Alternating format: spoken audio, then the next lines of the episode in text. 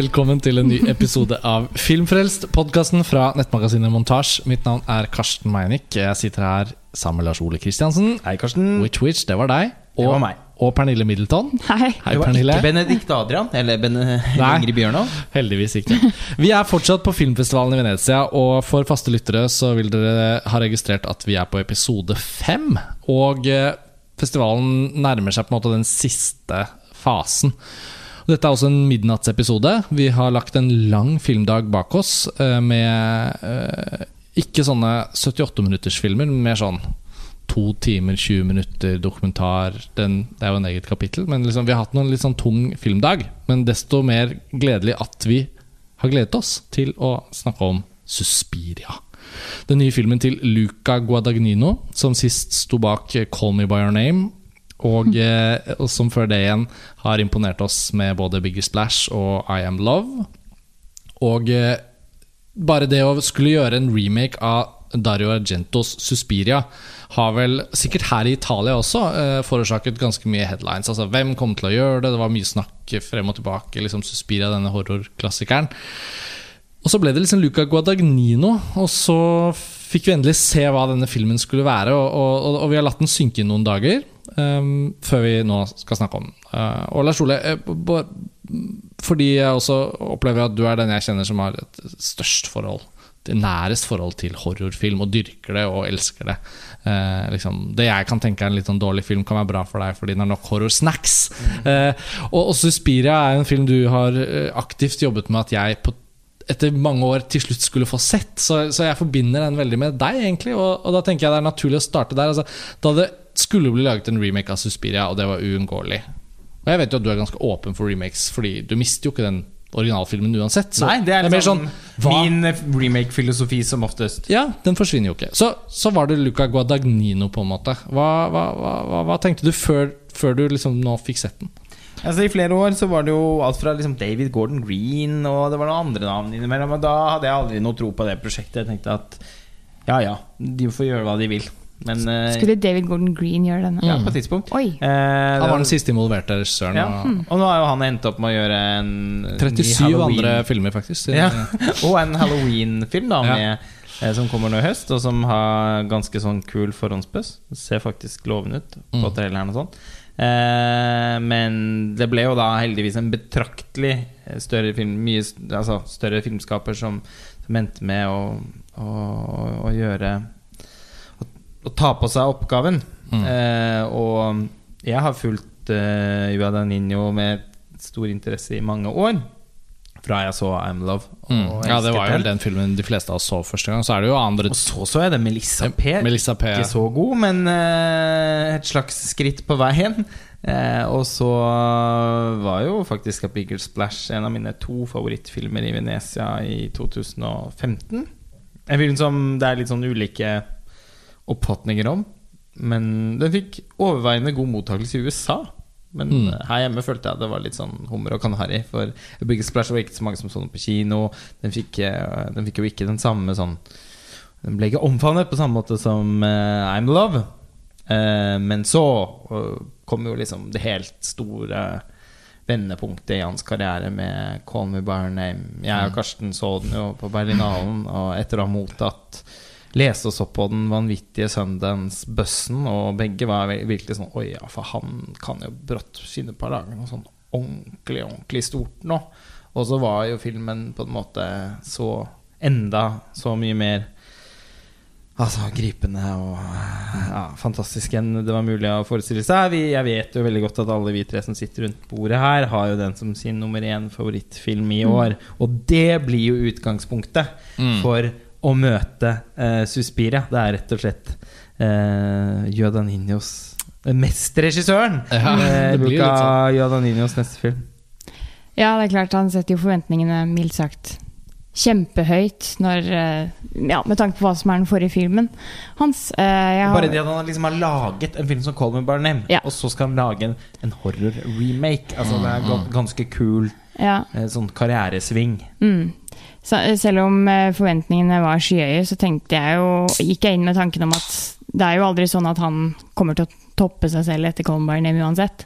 Eh, jeg har fremdeles til gode å se I Am Love. Mm. det er en film som jeg har gleda meg til lenge, men bare aldri kommet kasta meg rundt og få sett. Den ligger der og venter på deg. Den. Den venter den, som mye annet. Uh, men uh, Bigger Splash var ikke sånn det helt store for meg. Det var en veldig sånn fresh film og, med noen kule skuespillerprestasjoner og alt sånt, men det, det, var, det var det, på en måte.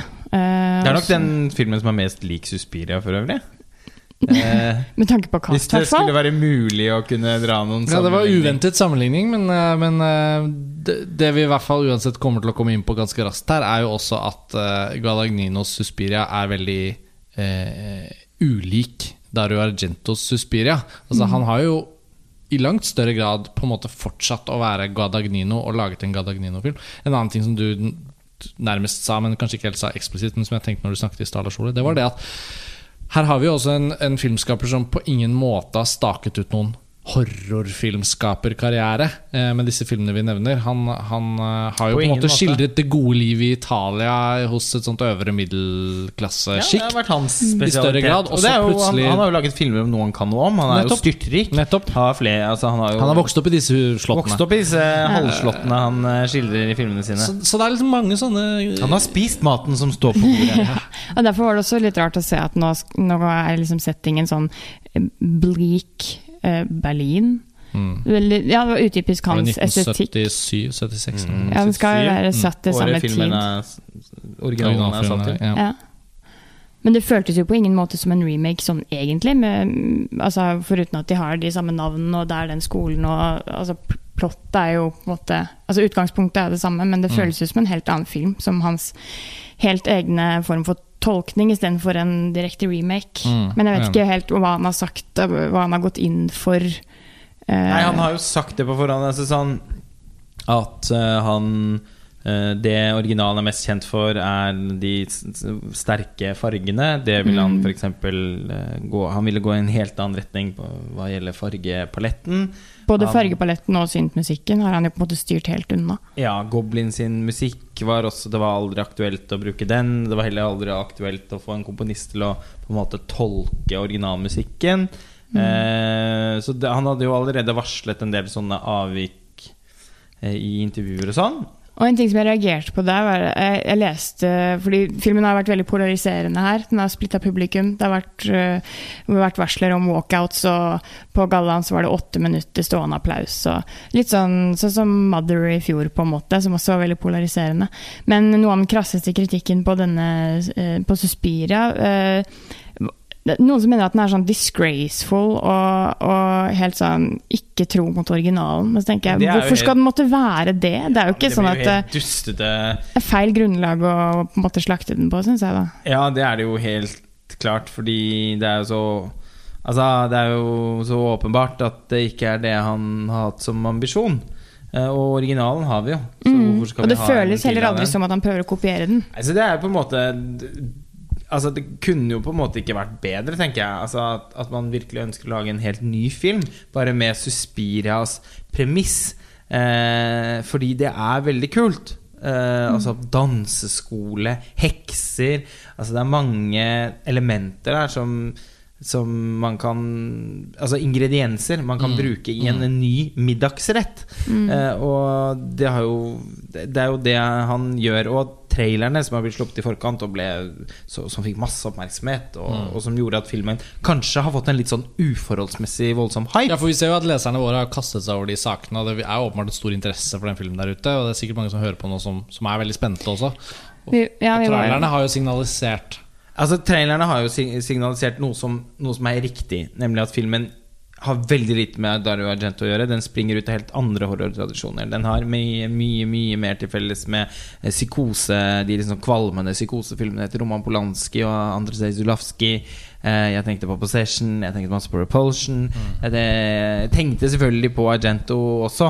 Det er jo litt vanskelig å ikke gjøre det når det er en remake av en Argento-film, og når den strengt tatt har enkelte små altså visuelle motiver som er hentet fra fra Argentos uh, verktøykasse, men eh, i, det var overveldende, egentlig, hvor lite Argento-aktig filmen føltes. Eh, og det er et tydelig kunstnerisk valg, som man også ser i t veldig tydelig i Det er liksom gestaltet av de trailerne òg. Uh, men noe som var overraskende, og som, som, som viker fra på en måte Eller som bryter med det inntrykket man kanskje har fått av trailerne, er jo at filmen ikke helt er en spenningsfilm. Eh, de gir jo inntrykk av en veldig sånn Og, og Jodanino selv har jo også sagt at altså, han har jobbet øh, hardt for å skremme vettet av publikum. Eh, det gjør han jo det, altså, det lykkes han jo på en måte ikke med, da, hvis det er en ambisjon. Nei, det er vel heller kanskje mer litt sånn en stemningsfilm enn en spenningsfilm, på en måte. Mm, ja. Eh, og den kunne med fordel ha vært veldig mye mer skumlere. Altså, jeg skal ikke si at jeg ikke ble redd innimellom. Jeg satt jo faktisk med konstant gåsehud. Men det var også litt fordi at jeg satt og ventet på hva er det som skal liksom slå meg i ansiktet nå. Hele tiden. Fordi det føltes som at det skulle komme noe hele tiden som skulle være sånn ekstremt fryktinngytende. Og Det er altså- jo i og for seg en veldig god ting å få til, da, den følelsen der. Ja, ikke sant? Å holde på Men den. filmen lykkes jo på dritmange områder. Det er bare det at man må på en måte plassere forventningene på rett sted. Ja, det tror jeg vi alle var veldig klar over da vi kom ut Ja. av filmen òg. At det var sånn Når anledningen kommer til å se denne igjen, så vet man hva det er man går til. Og da vil det være nye øh, Altså, det meste er jo der, men det vil være helt garantert nye måter å sette pris på motiver og valg på. Eh, Og at men- man slipper å på en måte sitte og, og være u Det er vanskelig å ikke til en viss grad være liksom marinert i Ja. noen litt spesifikke forventninger Ja. i møte med en film som er så hypet som Suspiria. Eh, så jeg, altså, så jeg tenker det- det blir Jeg gleder, ser veldig fram mot uh, et gjensyn. Ja. Uh, da, når, jeg, at, når jeg vet liksom hva filmen er for noe. Og apropos det, så tenker jeg jo at vi har jo ikke lagt inn noe spoilervarsel til nå også fordi at vi føler det er viktig å kunne snakke litt om filmen til alle lytterne våre. Men, men vi har vel blitt litt enige om at det kan være gøy nå i løpet av andre halvdel av denne podkasten å komme litt inn på ting som helt sikkert noen kommer til å føle er spoilere.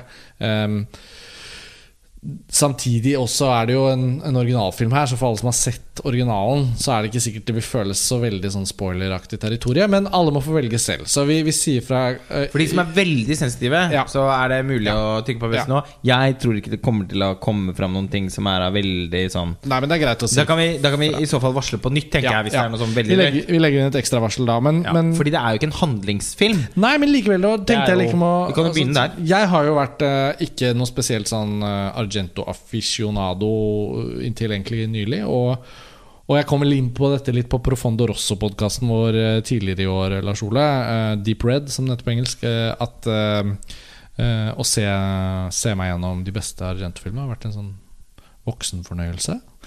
Men det kan jo være andre lyttere som også faktisk ikke helt har snøring på, på originalen. Og sånn Og da kan vi jo si bare kort litt hvordan plottet fremstår i denne Guadagnino-filmen. Bare helt grunnleggende, da. Jeg kan prøve meg. Um, det er um, Det er altså da denne danseskolen eh, i eh, Berlin. Og vi er eh, i 1977.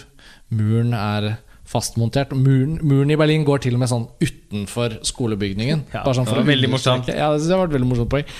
Og så og så er det en amerikansk ung Ikke dødsung, men sånn ganske ung amerikansk danserinne slash aspir, aspirerende danser, danser. Susie Banyan, spilt av Dakota Johnson. Spilt av Jessica Harper i originalen. Nettopp. Så det er det samme. Og hun øh, søker seg til å ha veldig høye ambisjoner når hun kommer til denne, denne danseskolen. Og tråkker på en måte inn der litt sånn selvsikkert og får seg en audition hun kanskje ikke helt har øh, gjort seg fortjent til. Men det er en åpning fordi en jente har forsvunnet. Patricia, eh, spilt av Chloé Grace Moretz, er den første rollefiguren vi egentlig møter. Hvor hun kommer svært stresset inn på kontoret til sin eh, svært gamle eh, terapeut, psykolog, i Berlin. Eh, spilt av Lutz Ebersdorf. Det skal vi komme tilbake til senere. Men der er hun på en form for sånn terapisession. Eh, hvorpå vi senere får høre at hun har forsvunnet. Da. Så Det er liksom prolog-åpningsscenen. Og og så kommer Susie Banyan og danser seg inn i kompaniet. Og med ett så har hun fått sitt eget rom, eller hun deler rom med Sarah, spilt av Mia Goth. Og vi kommer da akutt raskt, egentlig, føltes det som, inn i dette miljøet, danseskolen, alle de damene som jobber der. Og det er ganske tidlig, det er ikke liksom skjult at de ehm, har sin egen lille eh, kollokviegruppe. Ja. Um, og, og med det som utgangspunkt så kan man jo da begynne å diskutere hva Gadagnino på en måte bruker denne settingen til, og bruker dette plottet til.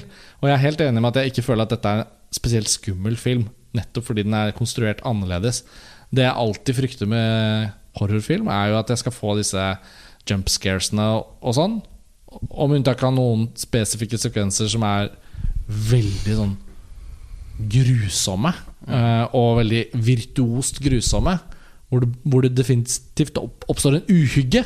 Så er det Jeg syns kanskje filmen var tilnærmet fri for jump scares. Og jeg er veldig lettskvetten. Så, så, så det må jeg syns jeg er viktig å si tidlig, da før folk skrur av frykt og spoilers. sånn, Så er det sånn Det er en helt annen type. Altså sånn Til informasjon så pleier jo Karsten å unngå å se filmer han har fått varsler om at har sånn type jumpscares. Hereditary blir det aldri med å se. Nei, den, nei, den kan Altså, den er Du er jo Har en viss sånn Du har en viss to, sånn En toleransegrense som Mm. Det er litt stopper sånn glutenallergi, på en måte. Ja. Mild glutenallergi Ja, på, på jumpscares. Den vet jeg at Ja. du vil synes det er veldig veldig ubehagelig å se. Uh, Suspiria er ikke i nærheten av å være så skummel som den, men den prøver jo heller ikke. Nei, jeg er for så vidt veldig enig med deg at jeg er også svak for jump scares. Jeg er ikke noe veldig fan av det, fordi det er på en måte den billigste måten å skremme publikummet sitt på. Eh, men der jeg ble mest redd i Suspiria, er på en måte de scenene som ser mest skremmende ut. Eh, og altså de noen, noen, ting, ja, noen ting er bare så ekkelt at det blir litt skummelt. Eh, Ja, som ja. en helhet så innfrir den ikke på å være så, sånn rendyrket horrorfilm, nei. Men det er et par enkeltting der som jeg vet at kommer til å bli med meg videre, som ikke får ut av hjernen min. Uh, og det er da spesielt uh, noen sånne drømmemontasjer. Som er litt sånn hyppig klipt med masse ekle, veldig ekle veld, bilder. Veldig kvalmende.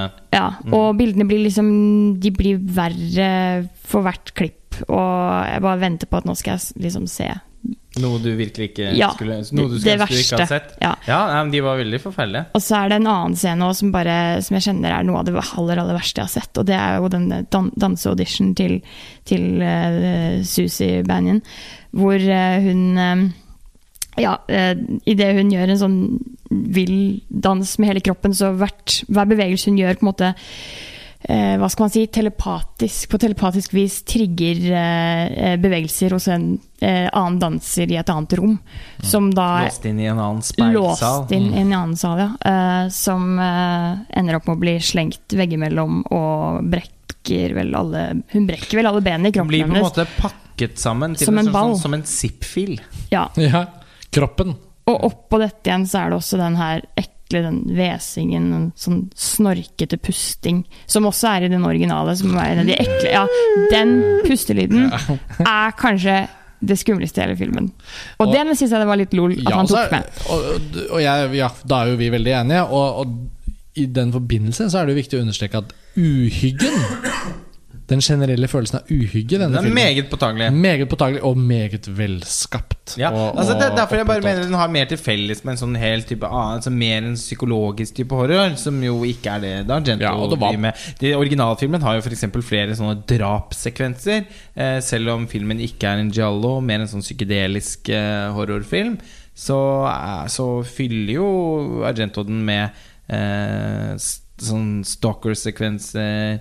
Eh, og, og, og drapssekvenser som minner om giallo. Altså folk lusker ved vinduer eh, osv. Så, videre. så det, det er jo ikke, ikke noe av det her. Nei, altså, Eh, men selv om, selv om folk mister livet, på en måte, eh, innen Ja, filmen er slutt, så er det helt andre veier dit, ja, og Det er en av de største forskjellene. Ja, altså dette er en psykologisk horror. Det er på en måte en enormt stor forskjell. Eh, og må vurderes på de premissene, tenker jeg. Og eh, Argento er jo heller ikke noe interessert i hekser. Uh, selv om han har laget en hel trilogi om det, så er jo det bare et bakteppe i Suspira og Inferno og Mother of Tears og Mm, ja, særlig Mother of Tears, en langt svakere film, da, men, men uh, mm, altså, det er bare et bakteppe. Så Inferno er jo bare en sånn Det er bare en ren stiløvelse.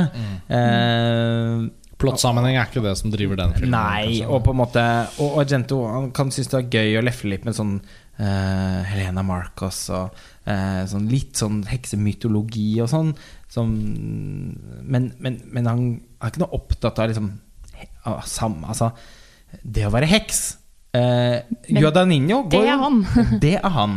Han går mer inn i Roald Dahl-modus. Eh, heksene på vi, vi får jo tilbringe ganske mye tid, eh, som vi ikke gjør i originalfilmen, med heksene. Som når, når de har kollokviegrupper, som du sa, Karsten. De er jo, har jo en del sånn middager, er ute og drikker øl og vin. De hekser seg. De Og det er ikke noe sånt Det legges ikke skjul på i det hele tatt, så det blir jo ikke noe spoil. Altså, sånn, det er jo- åpent i filmen fra helt fra Ja. starten. Jeg likte det veldig godt. At Mm. eh, det, eh, det er ikke en sånn big reveal mot slutten at 'å, de var hekser'. Eh, fordi det virker som at han, på en måte, han, han går ut ifra at folk kjenner til konseptet, han, folk vet handlingen. Det er ikke noe vits at det skal komme som en sånn bombe. Eh, så han bruker mer, mye mer tid på at vi skal bli kjent med de som Eh, som et heksesamfunn, på en måte. Og har tillagt de også eh, evnen til å kommunisere telepatisk, hvor vi får være med inn på det. Eh, jeg skjønte Jeg plukka ikke opp det med en gang, fordi først trodde jeg det bare var dialog, og at ikke jeg så hvem som snakket. Men det viser seg jo da at det er opptil flere ganger hvor vi hører en slags voiceover i filmen, som da er telepatisk kommunikasjon mellom heksene. Og det er mange av dem, så det er, sånn, det er mange personligheter som skal fram her. Og, måte, Ja, og det de er veldig med gøy. Mm. Og de driver med heksekunster. Eh, så Og det er demokrati. De har sånn ja, avstemmingsgreier der. De skal Ja. velge ny leder. Og, Ja. eh, og Madame Blanc, eh, som er sp fantastisk spilt av Tilda Swinton, Mm. hun er oppe til hun, hun, hun, er, oppe til valg, holdt jeg på å si. Mm. Eh, men det blir fortsatt Helena Marcos som, som fortsatt eh, for, Som forblir Mm. heksedronningen. Ja, noe de klarer Mother noe, noe.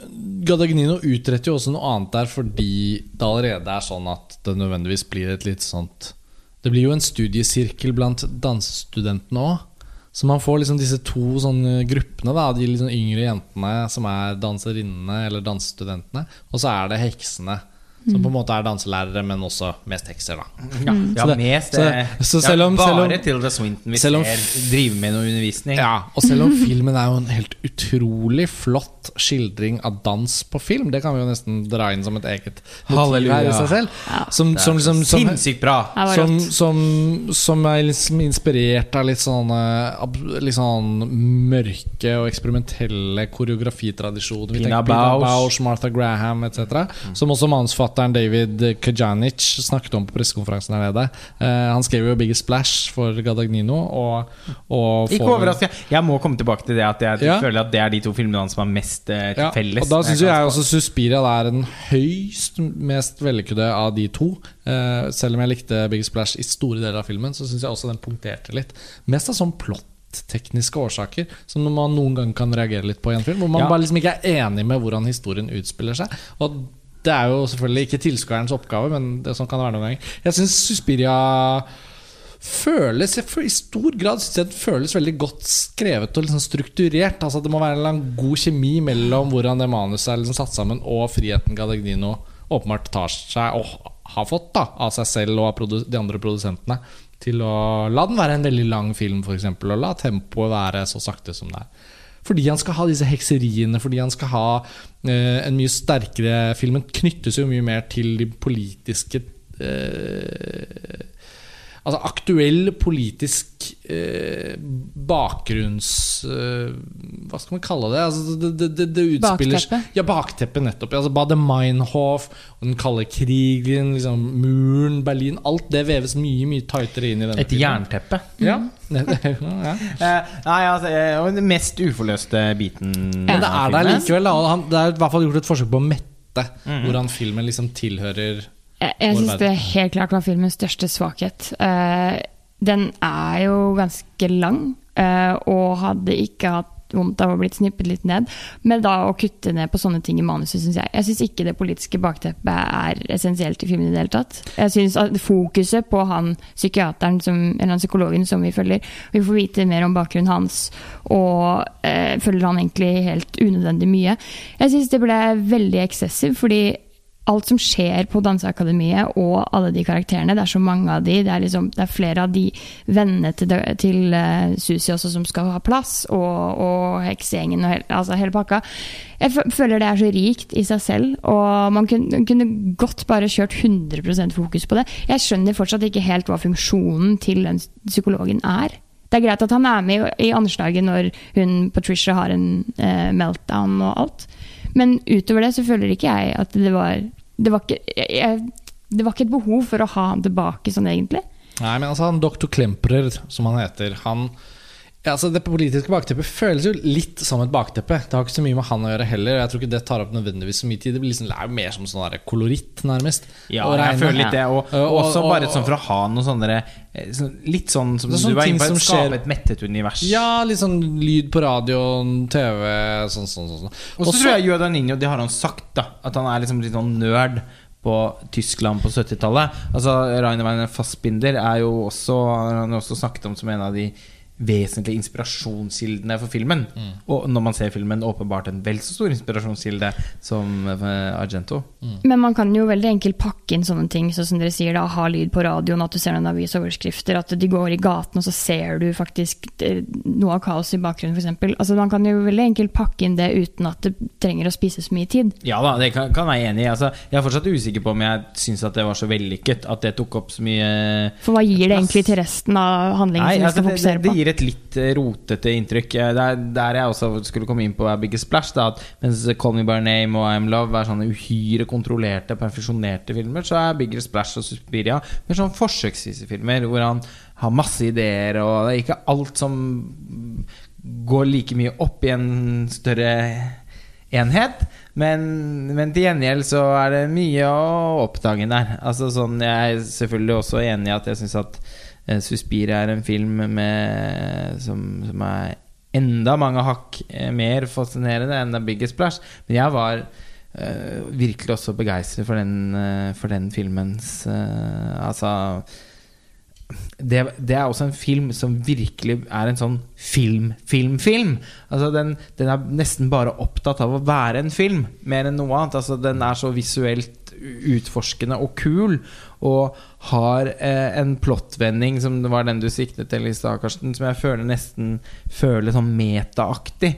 Altså den, den, den, er litt sånn eh, overraskende eksperimentell. Mm. Eh, den leder deg inn ja, til å liksom, Den inviterer deg inn i et ganske sånn friksjonsløst eh, fiksjonsunivers, men blir egentlig en mye merkeligere film mens den går. Og det gjør Suspiria også. Til mm. å begynne med så kan man Så får man liksom Nå kommer vi liksom inn i Suspiria-universet og den skolen. Og, og når hun andre danseren eh, brettes sammen ja. som en sånn postpakke.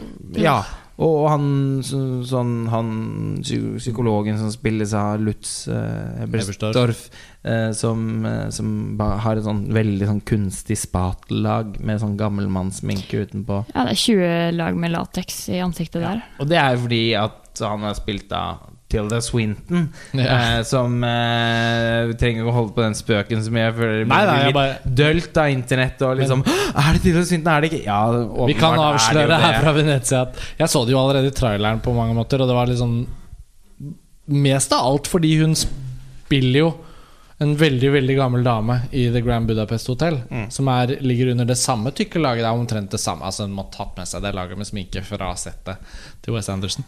Og det gjør meg jo ingenting. Jeg syns det hørtes ut som en inspirert idé. Og jeg, vi hadde jo ikke sett filmen, eller i hvert fall da jeg så traileren, så tenkte jeg sånn Ja, dette her kan jo bli Hva kan dette være? Og så venter man kanskje på at filmen skal gjøre litt, uten å avsløre for mye, men at mm. filmen skal gjøre et sånt kjempestort poeng ut av det på et eller annet tidspunkt. Det gjør den ikke. Ja, jeg tror kanskje det er derfor jeg er sånn ekstra skuffa over denne psykolog... Ja, historielinjen. Fordi jeg hadde ikke oppdaget traileren, jeg hadde ikke lest i forkant. Jeg visste ikke at det skulle være henne ja, i sminke. I forkant, altså. Jeg hadde lagt merke til at det var utrolig dårlig sminket. ja. Men, men, jeg tenkte også at det må være meningen. Altså sånn, Her er det noe et eller annet. Men det er nettopp det, Fordi det så jeg også fra første bilde av uh, han. At dette her er åpenbart noen som bare har gammel sminke. Det er ikke en gammel person. Uh, og det er så dårlig at det er ikke sånn at han har oversett det og tenker at det her er en overbevisende gammel mann. Mm. Uh, så ja, jeg venter på at det skal være et poeng ut av det. En, en eller annen forferdelig sånn grotesk scene hvor ansiktet skal bli revet opp og vise at det er noe annet under der. Men så det blir jo ikke forløst, da. Nei, men samtidig så er det litt vellykka likevel, fordi man sitter hele filmen og tenker her, det er, her er det noe rart. Vente på noe som noe- ikke kommer. Det er noe sånn Jo, men altså, jeg tipper det er nettopp den effekten de ønsket seg. Da, at det skal være noe som er litt off. Ja. Eh, det er no, altså, akkurat som det er noen sekvenser i låten 'Rette kommer inn til Thomas Alfredsson' nå, som er sånn. Som er sånn, sånn Katteleiligheten og sånn. Mm. Uh, det var litt dårlig, men det var litt sånn riktig òg.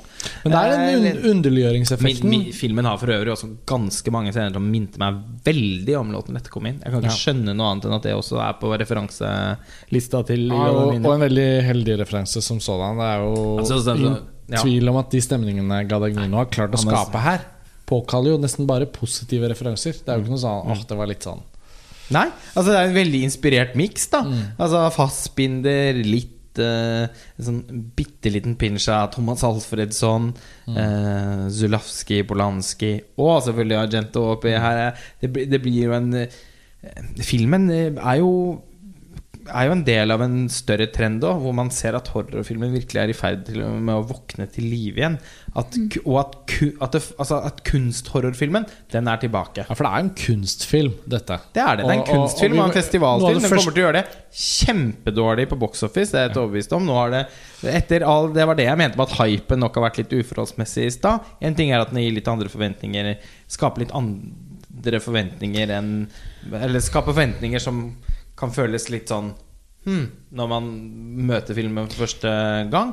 Det er egentlig også kult at filmen overrasker. Så det var ikke ment som noe negativt. Men de har jo solgt inn filmen som en litt sånn the next big thing. Ja, jeg, tror jeg, tror det blir next little thing. Det er det, det er det som gjør det litt ekstra skummelt, og at man skal faktisk eh, ha utgangspunkt i at man går inn og føler at det er julaften når man skal se filmen. Sånn som mange av oss sikkert følte da vi tok båten inn til Lido for å se den. Det var litt sånn Truls sa til meg da vi skulle inn i salen Pernille, du vet at det er, det er julaften nå. Og vi satt, satt og tenkte ja, det er jo det. Men- Truls Foss der, Ja, ja, på Foss. Vega Scene. Ja. Eh, han eh, Vi alle var vel ganske enige om uansett nå Når filmen har kommet opp i samtale før vi gjør denne podkasten, så har det jo vært en film som jeg føler har grodd veldig positivt inn på de fleste av oss. Dette med at den kommer til å være polariserende, og at den ikke kommer til å selge Den er den kommer, å, den kommer ikke til å knuse boxoffice-tallene. Sånn. Det var noe av det første du påpekte rett etterpå, Lars Ole. Fordi det har jo også ligget litt i kortene at den, at den, at den Eller Amazon, Altså- Amazon har jo finansiert filmen, Ja, og måten den er satt opp er sånn markedsføringsmessig satt opp, veldig selvsikkert. Ja. Og, Og liksom, og folk har allerede begynt å snakke på alle disse bloggene og sånn som skriver om den slags liksom, uh, Maybe a major Oscar contender og Det er bare å stryke- next- Det er bare, alt. bare stryke alt det. Kanskje kostyme, sminke altså Hvis den skulle være veldig heldig. Ja, men da er Oscar Akademi kulere enn de liksom noensinne. om Det det hen- bare å stryke ja, alt. Mye alt lettere. Den som, som Den er vel for drøy for Oscar uansett. Ja, men det var liksom sånn Den er jo ikke en sånn film Nei, i det det var jo fra begynnelsen av en helt sånn idiotisk antakelse, spør du meg. Men uh, Et annet signal som vi leste av virke, Men det kan virkelig strykes over, da. Ja. Uh, og og de amerikanske anmelderne har jo også mesket seg med å si at det den kommer garantert til å få F på Cinema Score. Uh, but still it's an amazingly bla, bla, bla-film. Ja. Og den er det. eh, og, og, og den kommer til å gjøre det dårlig blant det brede publikummet. Det er jeg helt overbevist om. Jeg tror det er innmari mange Eller så, ikke så mange. No, noen ungdommer kommer til å velge å gå og se den fordi det er en skrekkfilm, og fordi det ser kult ut. Og Også fordi det er hun fra Fifty Shades. ja, kanskje det også. uh, Å bli, og, bli skuffet og ikke anbefale den videre. Holdt jeg på å si. Og vanlig sånn, sånn Altså så Folk som skal gå inn til denne filmen med ikke noen sånne spesifikke forventninger. Altså Enten så vil man bli liksom litt trollbundet av heksekunstene. eh, eller ikke. Jeg tror det veldig, blir veldig sånn individuelt. Film som er lett å anbefale, egentlig, fordi at man tenker at en film med så mye spennende i seg, eh, bør man være en ganske sånn daff person for å ikke kunne ha noe glede av. Men eh, samtidig så, så er den også liksom en sånn En tough sell, fordi eh, den, det, er, det, er, det er jo også lett å mislike den miksen, egentlig, som, som filmen eh, rommer. Et, et av de signalene som kanskje bebudet filmens faktiske form da, og kvalitet eh, aller mest, det var jo at våre, våre gode venner og ekskollegaer i strømmetjenesten Mubi som har leflet med kinodistribusjon i Storbritannia, hvor de har sitt hovedkontor. Og de fleste kuratorene for den tjenesten sitter der. Ehm, de kunne annonsere noen dager før Venezia at de har rett og slett sikret seg kinorettighetene i Storbritannia. Et ganske stort marked for Suspiria fra Amazon. da Ja, da og, og da var det sånn Enten så er dette Enten er dette et tegn på at Mubi har sånn giret opp noe voldsomt i liksom mainstream eh, Eller så er det kanskje et tegn om at filmen er og så viste det seg at filmen er jo da selvfølgelig såpass kunstfilmsmal at det er helt logisk at Mubi har kinodistribusjonen. Perfekt distributør på den. Så det, og det er jo sånn som sant, Nå har vi ikke en sammenlignende eh, tilfelle i Norge, f.eks. Men, eh, og Norge er så lite marked at jeg tenker liksom, det, så, det er ikke noen målestokk sånn sett. Men, øh, men en godt markedsført horrorfilm kan jo selge litt billetter i åpningshelgen. Uavhengig av hva det egentlig er. Men så fort ordet sprer seg, da blant de som ikke er helt er åpne for sånn kunsthorror, og som heller vil ha det liksom litt Og den sånn er over to og en halv time lang. Ja. ja. Tough Den perfekte matchen med, egentlig er jo It Follows. Det var en sånn film som både var et stort kunstverk og var en utrolig kommersielt eh, velfungerende horrorfilm for de Og, som men så. det var jo heller ikke fordi folk likte den. Nei, men den, den, den, oh, nei. men den matcha jo opp, da. Å nei. Jeg så den på kino flere ganger, jeg, og det var like skuffede publikummere hver gang. Var det det? Ja, ja. Hadde jeg aldri tenkt. Mainstream-publikum likte ikke den filmen. De følte seg lurt. Men eh, de så den jo heldigvis, da. Ja. Så Billettene ble kjøpt. ja da, absolutt. Der, ja, men der var hypen, internett-hypen Det kan hende at Suspiria også vil ha noen sånne ting for seg. Det er en betydelig større satsing da enn It Follows sånn i Ja. utgangspunktet. Så de vil ha med seg litt annet. Det, og, og det er på en måte helt sånn fantastisk at Altså sånn, Hvis dette blir stående som liksom Yoda Ninja sånn grand folly eller flawed masterpiece, eh, så, er jo, så er jo det helt fantastisk, tenker jeg. Da var han på et eh, punkt i karrieren sin som han kanskje aldri kommer til igjen. Det er, ikke, Altså- alle, så, så, sånn, det er ikke alle forunt å lage en så god film som Call Me By Your Name mer enn én gang. Så eh, hvis det var nå han hadde muligheten til å gjøre noe så rart og så fullstendig kompromissløst og kostbart som Suspiria, så, så fantastisk, da. Og også noe som egentlig skriker etter å bli sett flere ganger. Ja, for det er en film Det gjør det jo også vanskelig, fordi de aller fleste går jo på kino én gang per film. på en måte Det er en film å fordype, altså fordype seg Og det er en film å gå seg vill i. Det er morsomt for Ingrid Rom, vår gode venn og Ingrid Rommetveit, som er redaktør for Sett, som vi spiste lunsj med tidligere i dag, eh, hun var eh, ikk- i utgangspunktet ikke så begeistret for filmen. Eh, Mest eh, fordi hun eh, ble nesten litt sånn fornærmet over at hun ikke ble skremt. I det Og at den var lang. Og at den var så lang og sånn. Men Og dette varslet hun på Messenger for noen dager siden, så jeg har hatt litt sånn kastet litt ball frem og tilbake om den filmen. Men i dag så måtte hun si at nei, ja, den, jeg, jeg kjenner at den filmen forsvinner ikke. Den, den, den sitter i meg. Jeg, tror faktisk jeg må se den en gang til. Så noe riktig gjør den uansett. Ja, altså Men det er litt vanskelig å sette fingeren på hva også. heksekunster. Det er noe et eller annet der som gjør så man ikke liksom Man blir Man blir fascinert og oppslukt av den. Man får lyst til å gå tilbake Man får, så, man får lyst til å like den nå. Det er rett og slett en sånn 4D-ting. 4D altså de sender ut spells fra lerretet. Ja, det er faktisk det. Ja, det det det. Det var Du bare vet ikke store det er Grunnen til at budsjettet er så høyt, var at de måtte Ja. Men det er, også, det er også en annen ting bare for Gadagnino. Det er for øvrig ikke så høyt. Jeg fikk det høres Nei, litt ja. i overkant Og. Amazon har jo på en måte nok penger, så de har bare betalt for hele pakka. Men eh, en annen ting som vi liker å komme inn på, Altså før vi begynner å nærme oss slutten her, så må det jo skytes inn at noen av Gadagninos faste samarbeidspartnere på ingen måte gjør seg bort her. Eh, jeg tenker på at Sayumbu Mukteprom? Ja, altså Sayumbu Mukteprom som, som har fotografert eh, Altså de helt uforglemmelig stofflige og pulserende og følsomme bildene i Call Me By Your Name. Og da Apichat Pong, vi har sett kultfilmer før det. Um, og ikke minst klipperen syns jeg fortjener litt uh, cred. Oh, ja. da Walter Fasano, som også gjorde en fantastisk innsats og har klippet alle filmene til Cadagnino.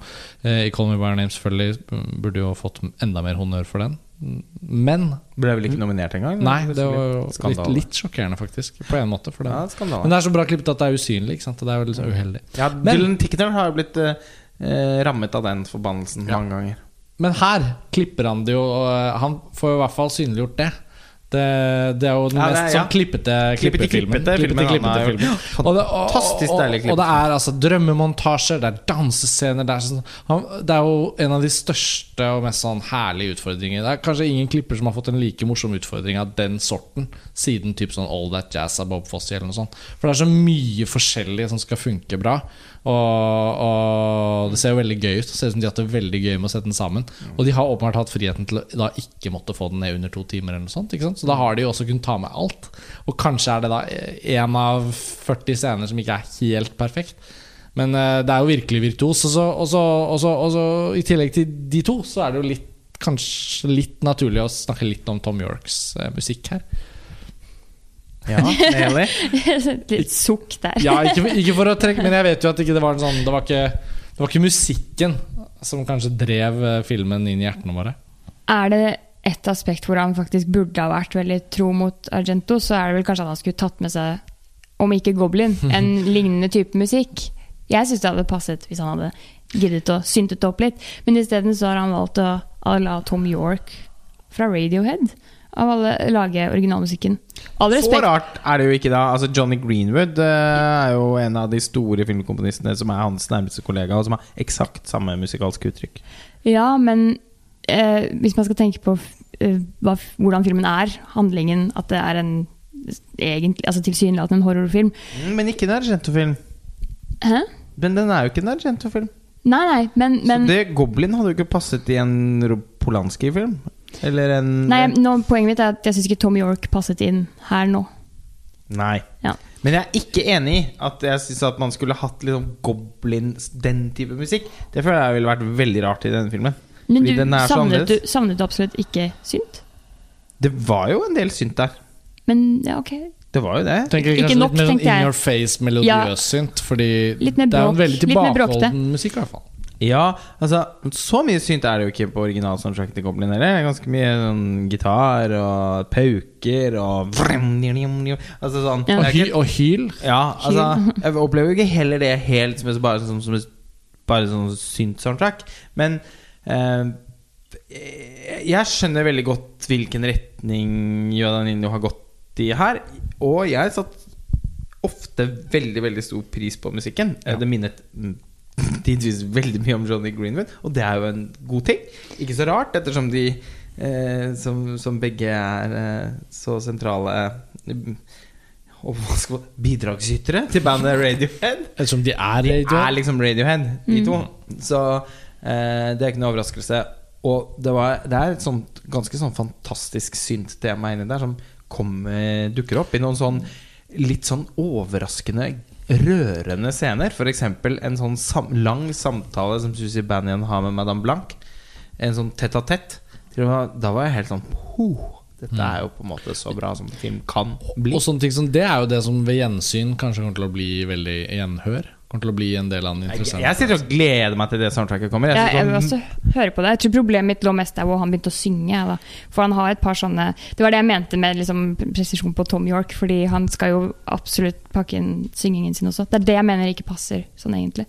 Og der er jeg dessverre helt enig, da. Fordi der, den der, musikken har to sånn vanvittige feilskjær, syns jeg. Og det er eh, Jeg syns det er utrolig unødvendig. Eh, Og litt, litt sånn toskete òg av, eh, av Tom York. Og og Juadaninho, da, for den saks skyld. Og, liksom skulle markere at han er involvert. Eh, han har en veldig umiskjennelig stemme. som ikke passer Som ikke kler filmen i det hele tatt. Da føles det som en Å, er det en ny Radiohead-låt som begynner Det er ikke bra, men ok i fortekstene. Eh, Det er dessverre litt sånn katastrofalt dårlig i Det filmens klimaks. Mm. Som er en eh, heksesabbat, som vi ikke skal beskrive i nærmere detalj. Den er jo veldig, veldig, veldig underlig. Den har noen elementer av CGI som vil få mange til å reagere. Eh, Det er den absolutt tror jeg, mest polariserende sekvensen i filmen, som jeg selv fortsatt også er nødt til å fordøye til. Altså, den må jeg se igjen før jeg kan vite helt hvor jeg lander spesifikt på, på den sekvensen. Eh, Den er i hvert fall Den må i hvert fall bære den tunge vekten av en, en, en mislykket integrering av Tom Yorks eh, vokal. Det var amatørmessig. Men uh, heldigvis på en måte fortsatt en liten fail i en film med en- veldig mange win. Ja. Vi må jo på en måte returnere til denne filmen på den ene eller andre måten. Når den etter hvert dukker opp på, eh, på, på, langs den norske kysten. Kinokysten. Vi er i mål med denne episoden. Eh, vi skal opp tidlig i morgen og ha en ny og lang filmdag. Men eh, Vi skal Men det er- blant annet se Vox Lux til Brady Corbett. Eh, Det skal vi. En av de filmene Blant som i hvert fall jeg gleder meg mest til. Så vår dekning av filmfestivalen i Venezia Den fortsetter ufortrødent videre. Denne episoden er over for nå. Det ble en litt sånn lengre og forhåpentligvis ikke altfor rørete midnattsprat om eh, Suspiria. Jeg tror vi fant en god balanse i forhold til spoilere, i hvert fall. Så forhåpentligvis har alle hørt helt til slutten nå. Ja, for det her tenker jeg, Jeg det mulig å høre seg gjennom. Jeg opplever vel at vi ikke egentlig har kommet med en eneste ting jeg ville ansett. Altså Jeg vil si at å se traileren er en større spoiler enn å lytte til Og det er vi bedre å vite at Tilda Swinton spiller to roller, enn å tro at det er noe sånt merkelig mysterium. Men det er morsom markedsføring at de har klart å få den opp. Og som Tilda Swinton leste opp et brev fra han Lutz Eberstorff på pressekonferansen. Og Altså, den har ligget som toppsak på VG-nett liksom i to ja, døgn. det var jo helt Eh, sinnssykt vellykket, åpenbart. Så mye, mange random nordmenn som kanskje ikke følger med på filmbransjen til vanlig, som nå har fått eh, følelsen av at det er noe spennende og ekstra viktig. Ja, det er ekstremt overdrevet. da Veldig Alle involvert i filmen hadde tongue in cheek og lo godt. Da, Eh, vet, du hva? da- Vi, vet du hva? Vi er nødt til å snakke om en ting til, faktisk, før vi slutter. Fordi det blir utrolig rart å ikke gjøre det. Og vi må si noe om skuespillerne i filmen. Eh, Min korte treordsversjon av det er at jeg syns det var veldig bra casting og veldig bra skuespill. Og det er helt vesentlig for at filmen fungerer så bra som det Jeg er helt enig.